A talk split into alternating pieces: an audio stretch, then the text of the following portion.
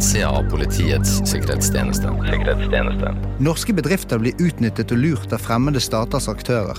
Hensikten er å omgå sanksjonsregimer og eksportkontrollregelverk. PSTs arbeid med ikke-spredning og ulovlig teknologioverføring er en del av vår kjernevirksomhet. Dette Pst på innsiden av PST. Jeg heter Martin Berntsen, og ved min side sitter Eirik Veum. Spionasje, etterretning og hemmelighold. Terror og ekstremisme. Trusler, sikkerhet og beskyttelse. PST håndterer de mest alvorlige truslene mot landets sikkerhet. Vi skal ivareta demokratiet men hvordan jobber landets sikkerhets- og etterretningstjeneste? Og hvem er menneskene som jobber her?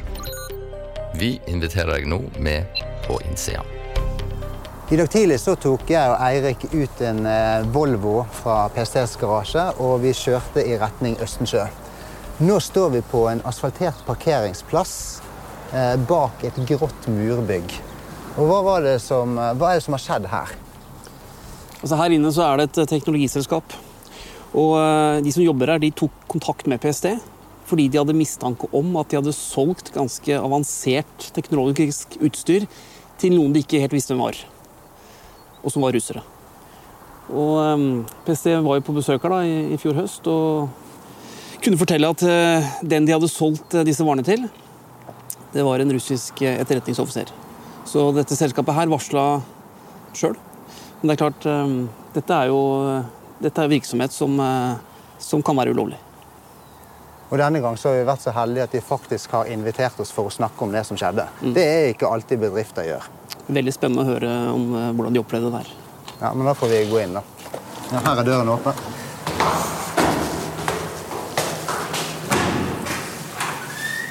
Hallo, Eirik Veum. Hei. Håkon. Håkon. Hei, Martin Berntsen. Hei, god dag. Hei. Håkon. Da var det opp etter. Eirik, hyggelig. hyggelig. Da har vi fått lov til å komme inn i et uh, veldig hyggelig møterom. Vi har fått uh, en god kopp kaffe og sitter nå sammen med to ansatte i Instrumentkompaniet. Hvem er dere? Rolf Petter heter jeg. Uh, jeg er daglig leder i Instrumentkompaniet. Håkon Nesbø heter jeg. Jobber med teknisk salg. Hva er Instrumentkompaniet egentlig? Ehm, vi er vel en nisjebedrift sånn sett. Vi selger ikke pianoer og stemmer fioliner, men eh, det går egentlig i måleinstrumenter. Ehm, så alt du kan tenke deg mellom himmel og jord omtrent som kan måles, er det vi driver med. Og så driver vi med kalibrering og service av dette. Så alt fra termografikamera til eh, et inspeksjonskamera og ja, alt imellom og under, egentlig. Men hvem er den typiske kunden, da? Det er litt forskjellig, det vil jeg si. Ofte er det jo hva skal jeg si, brukeren av utstyret. Eh, som da type en montør eller en takstmann eh, f.eks. Eh, som har, har behov da, for å utføre jobben sin. Eh, og ja, Ofte er det jo det dokumentasjonskrav da, som ligger bak til hvorfor de handler utstyr hos Det er ganske avansert teknologi, er det ikke? Det er det.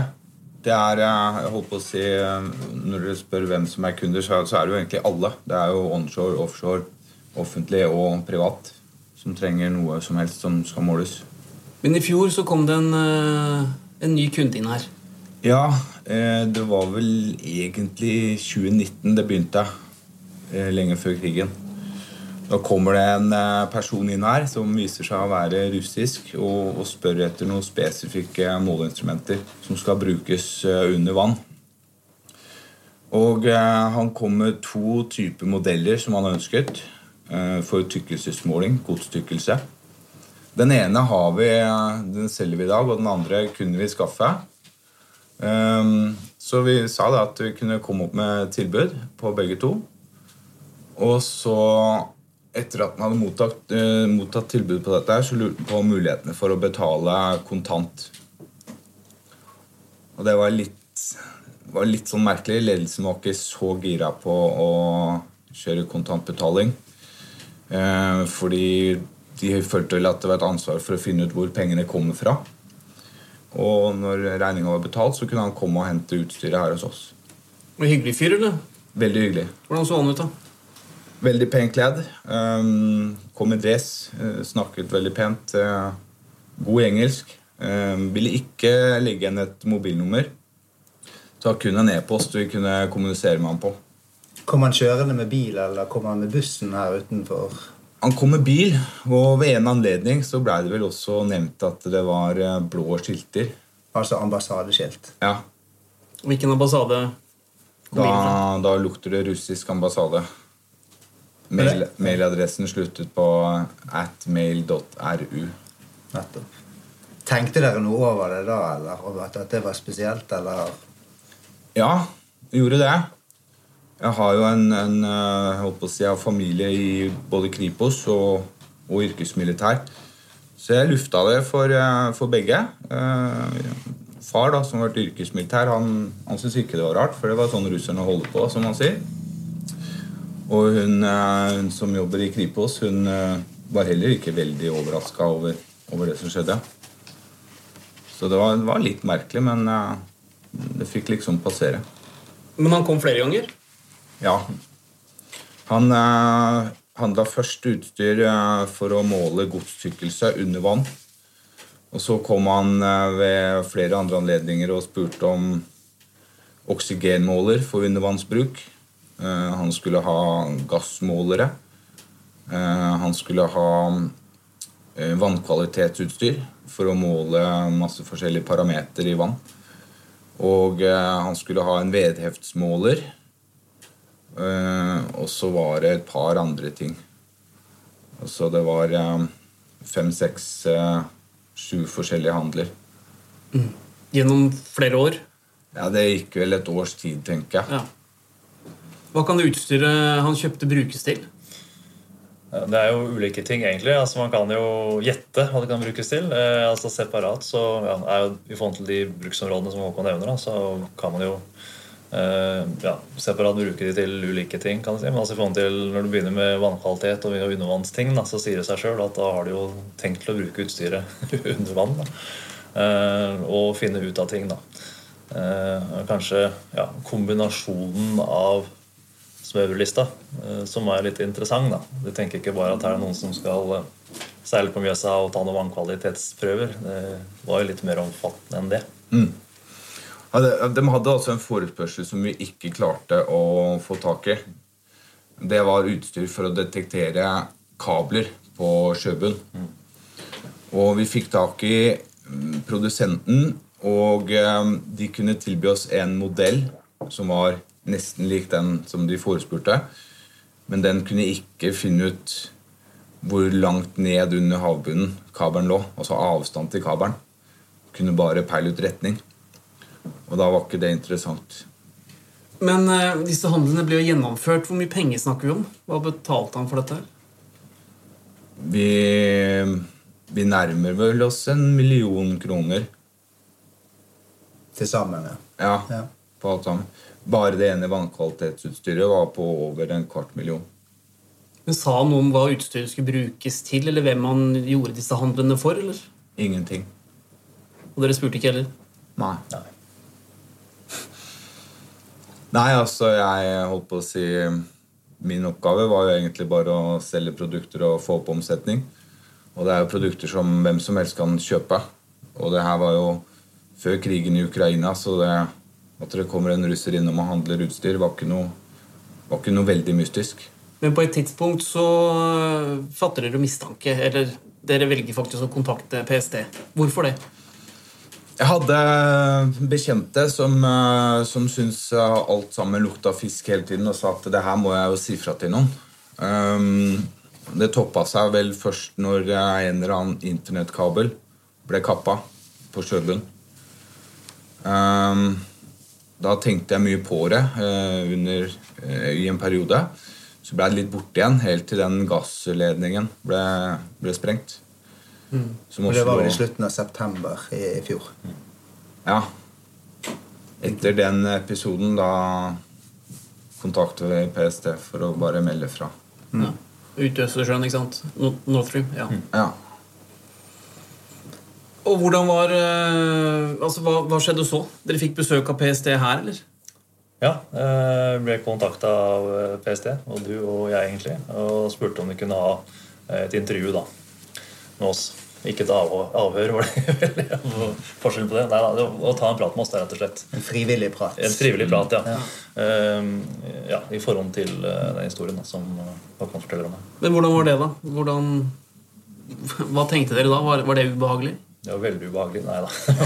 Nei, det var, det var litt spennende, for å si sånn. Selvfølgelig. PST og sånne ting. Man, det er ikke du normalt si, har befatning med, eller hva jeg skal si. Så syns det er spennende. Men samtidig, altså, vi visste jo foranledningen. Og det, vi syns ikke det var unaturlig at de fatta interesse for det. Og sånn så kan man tenke at Det er jo bra det, at de faktisk følger opp uh, meldinger da, som de har fått. da, Som vi også var nysgjerrige. Så de kom hit, så to hyggelige karer. vil jeg si. Det var veldig ålreit, egentlig. Synes de tok godt vare på oss. Uh, fulgte oss opp på å si, før og etter. Så det syns jeg var ganske ok. Og uten å gå i detalj, så kan dere jo kanskje si litt om hva dere fikk vite om mannen dere hadde solgt varene til?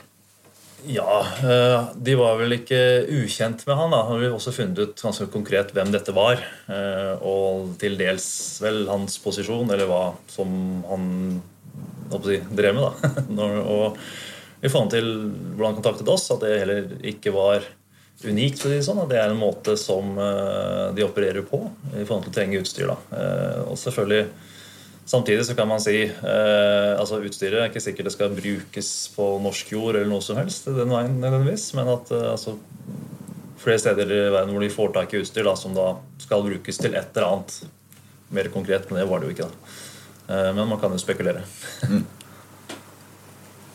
Og det dere fikk vite, var vel at han var en uh, russisk etterretningsoffiser? Ja. Jobba for GRU, altså den militære etterretningen?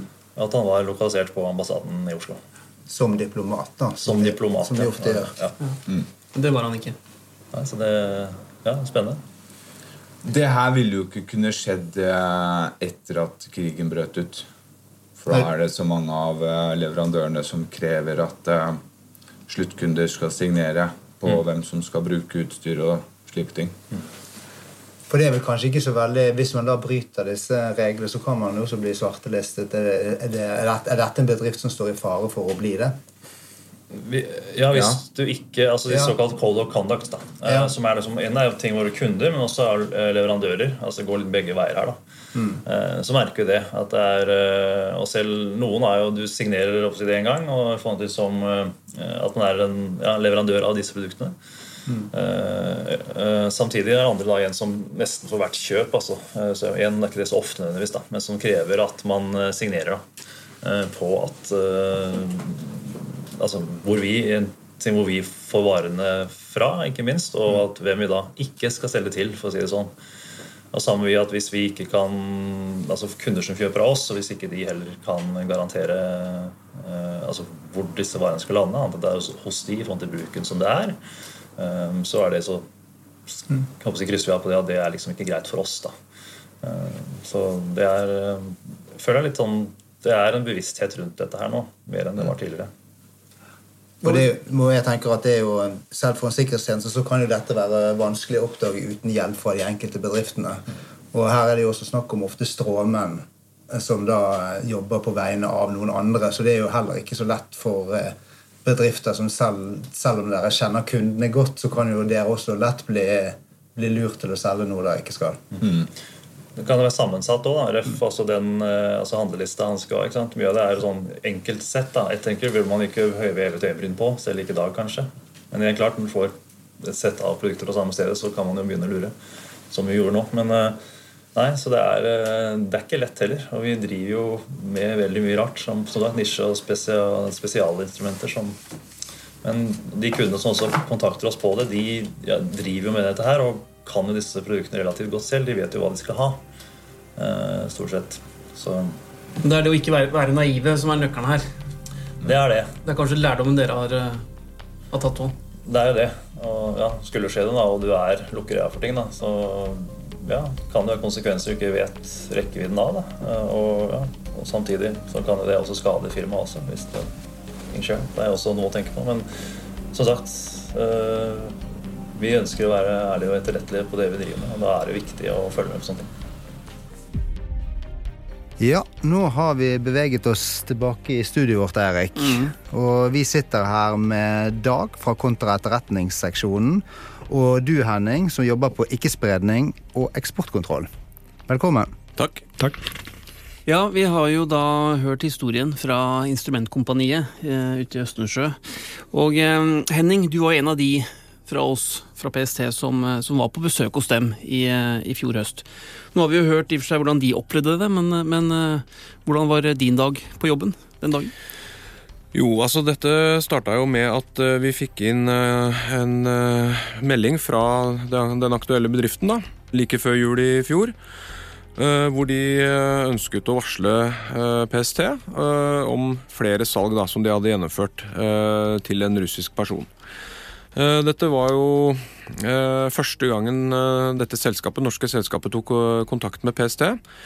Så vi dro ut dit, tok kontakt med dem og gjennomførte et møte med dem for å fortelle dem hva som her hadde skjedd, og hvilke konsekvenser det eventuelt hadde. De var jo veldig glad for at PST tok kontakt og, og kom tilbake til dem. Det vi pleier å gjøre da, ved slike møter, det er at vi eh, gir de informasjon, og vi gir de råd, og vi gir de veiledning eh, om hvordan enkelte aktører opptrer da, for å skaffe seg vestlig teknologi. I dette konkrete tilfellet så uh, var det jo ikke snakk om spesielt sensitive varer i starten, i hvert fall. Uh, de omtalte det selv som uh, hyllevarer, noe litt mer sensitivt enn andre hvor denne relasjonen da, mellom kunden og det norske selskapet utvikler seg på en måte som gjør at de prøver å anskaffe da mer utstyr og annet utstyr, hvor de, kunden da til slutt er, ønsker å oppnå en spesiell type vare etter å ha oppnådd en god relasjon med det norske selskapet. Hvordan reagerte de når du fortalte dem at den personen de hadde solgt varer til for en million kroner, var en eh, russisk etterretningsoffiser. De reagerte egentlig ganske pent på det, men eh, jeg så jo at de ble litt eh, paffe. Samtidig så tror jeg de også forsto ganske kjapt og innså at det var riktig av dem å involvere oss og si fra til oss. Jo, for det er vel ikke Det er jo selvfølgelig en, dette, ganske, dette, er jo en ganske liten bedrift. Var det seks ansatte de var? Og mm. det er jo ikke hverdagskost at PST dukker opp på døren. Men dette er jo ikke første bedriftsbesøk du har vært på.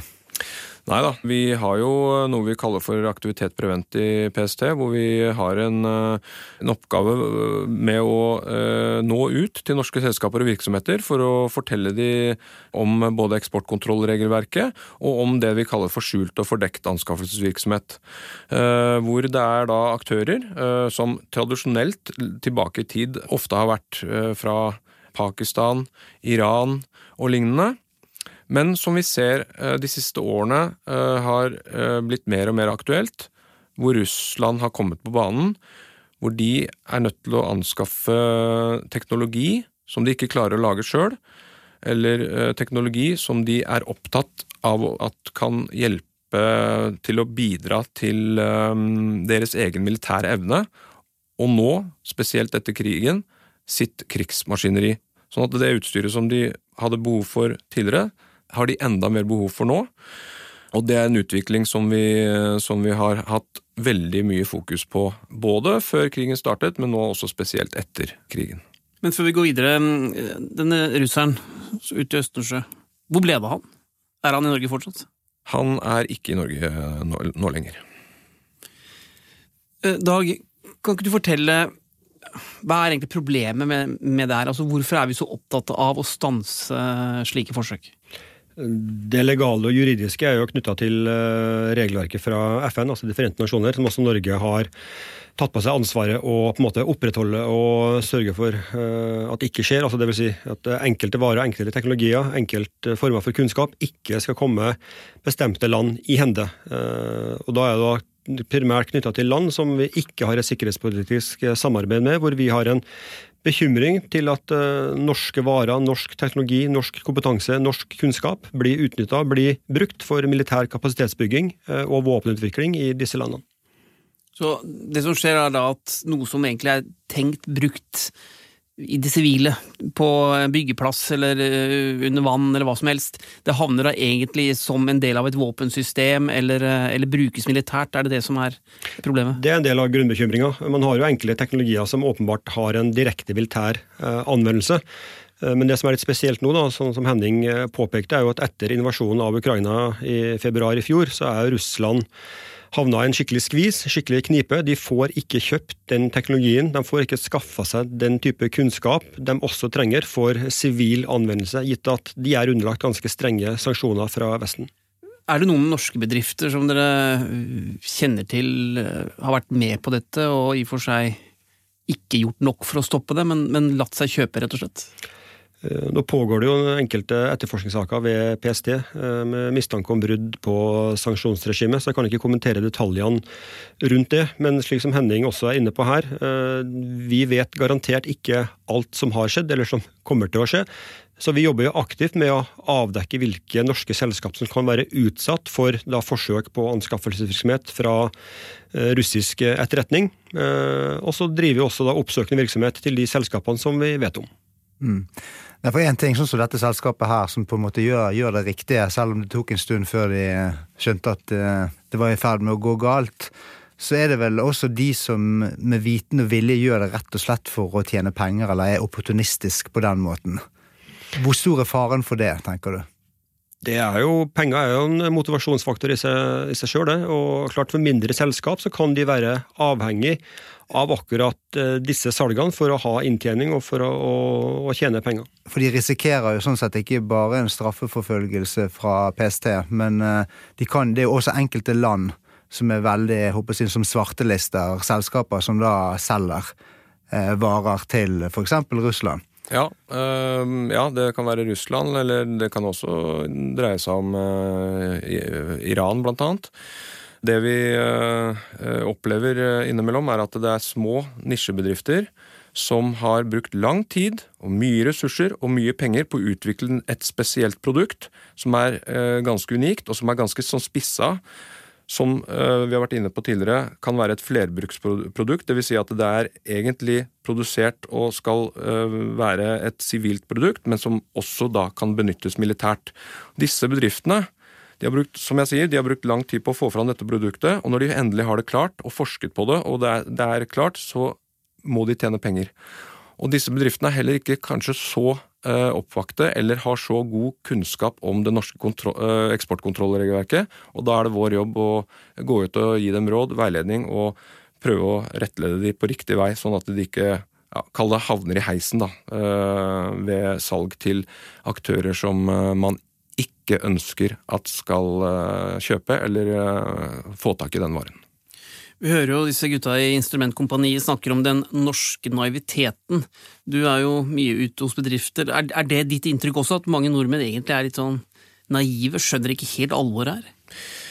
Ja, generelt så eh, er vel kanskje Har vel Norge Eller vi i Norge vært tradisjonelt litt naive på mange ulike eh, fronter, men eh, det tankesettet er i ferd med å forandre seg nå.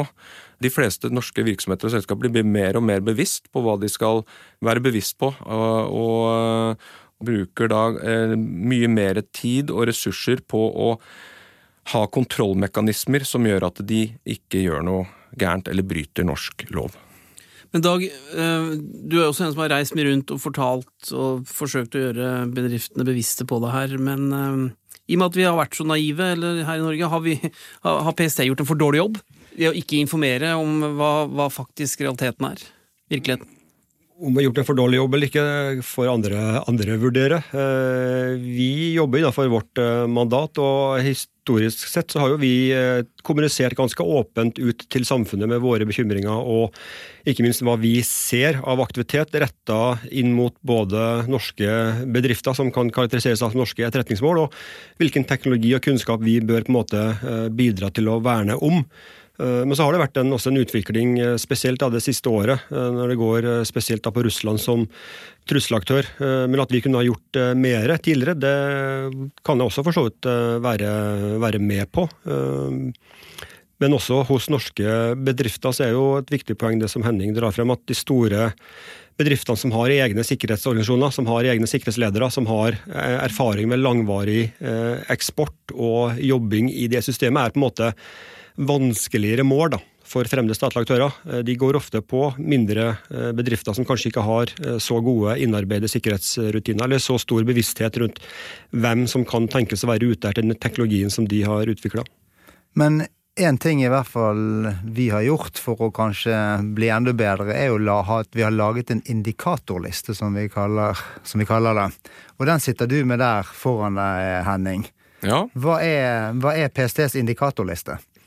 Du, PSTs indikatorliste det er rett og slett indikatorer på hva som eh, norske selskaper og virksomheter må være bevisst på at de kan bli utsatt for. Eh, vår, eh, egentlig vårt viktigste eh, råd til, til, norske selskaper og virksomheter, det er at de må kjenne sin kunde.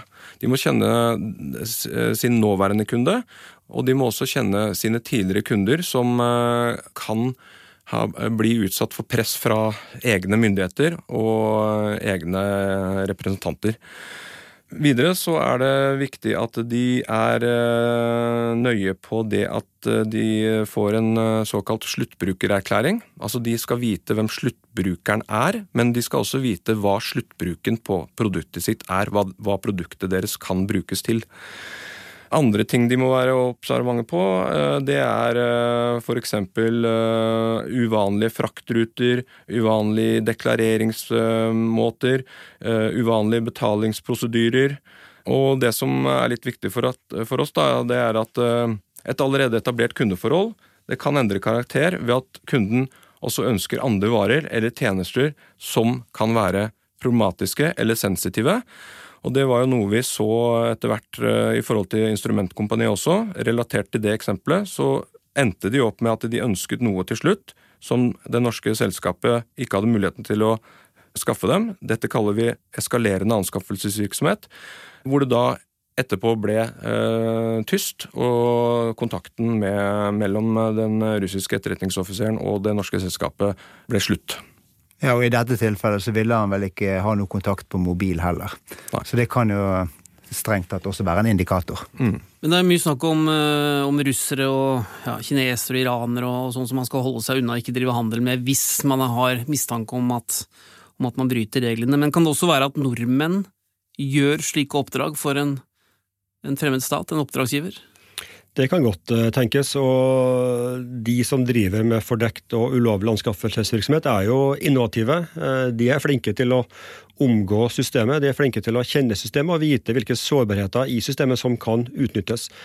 Og Da kan det jo tenkes at et norsk selskap som for så vidt er legitimt, og som uh, gjør en vanlig jobb, enten direkte eller indirekte kjøper varer som går via dette selskapet, men som har en annen uh, bruker, da, sluttbruker, enn det som uh, det framstår som uh, når det gjelder bestillinga til den norske virksomheten eller norske selskapet.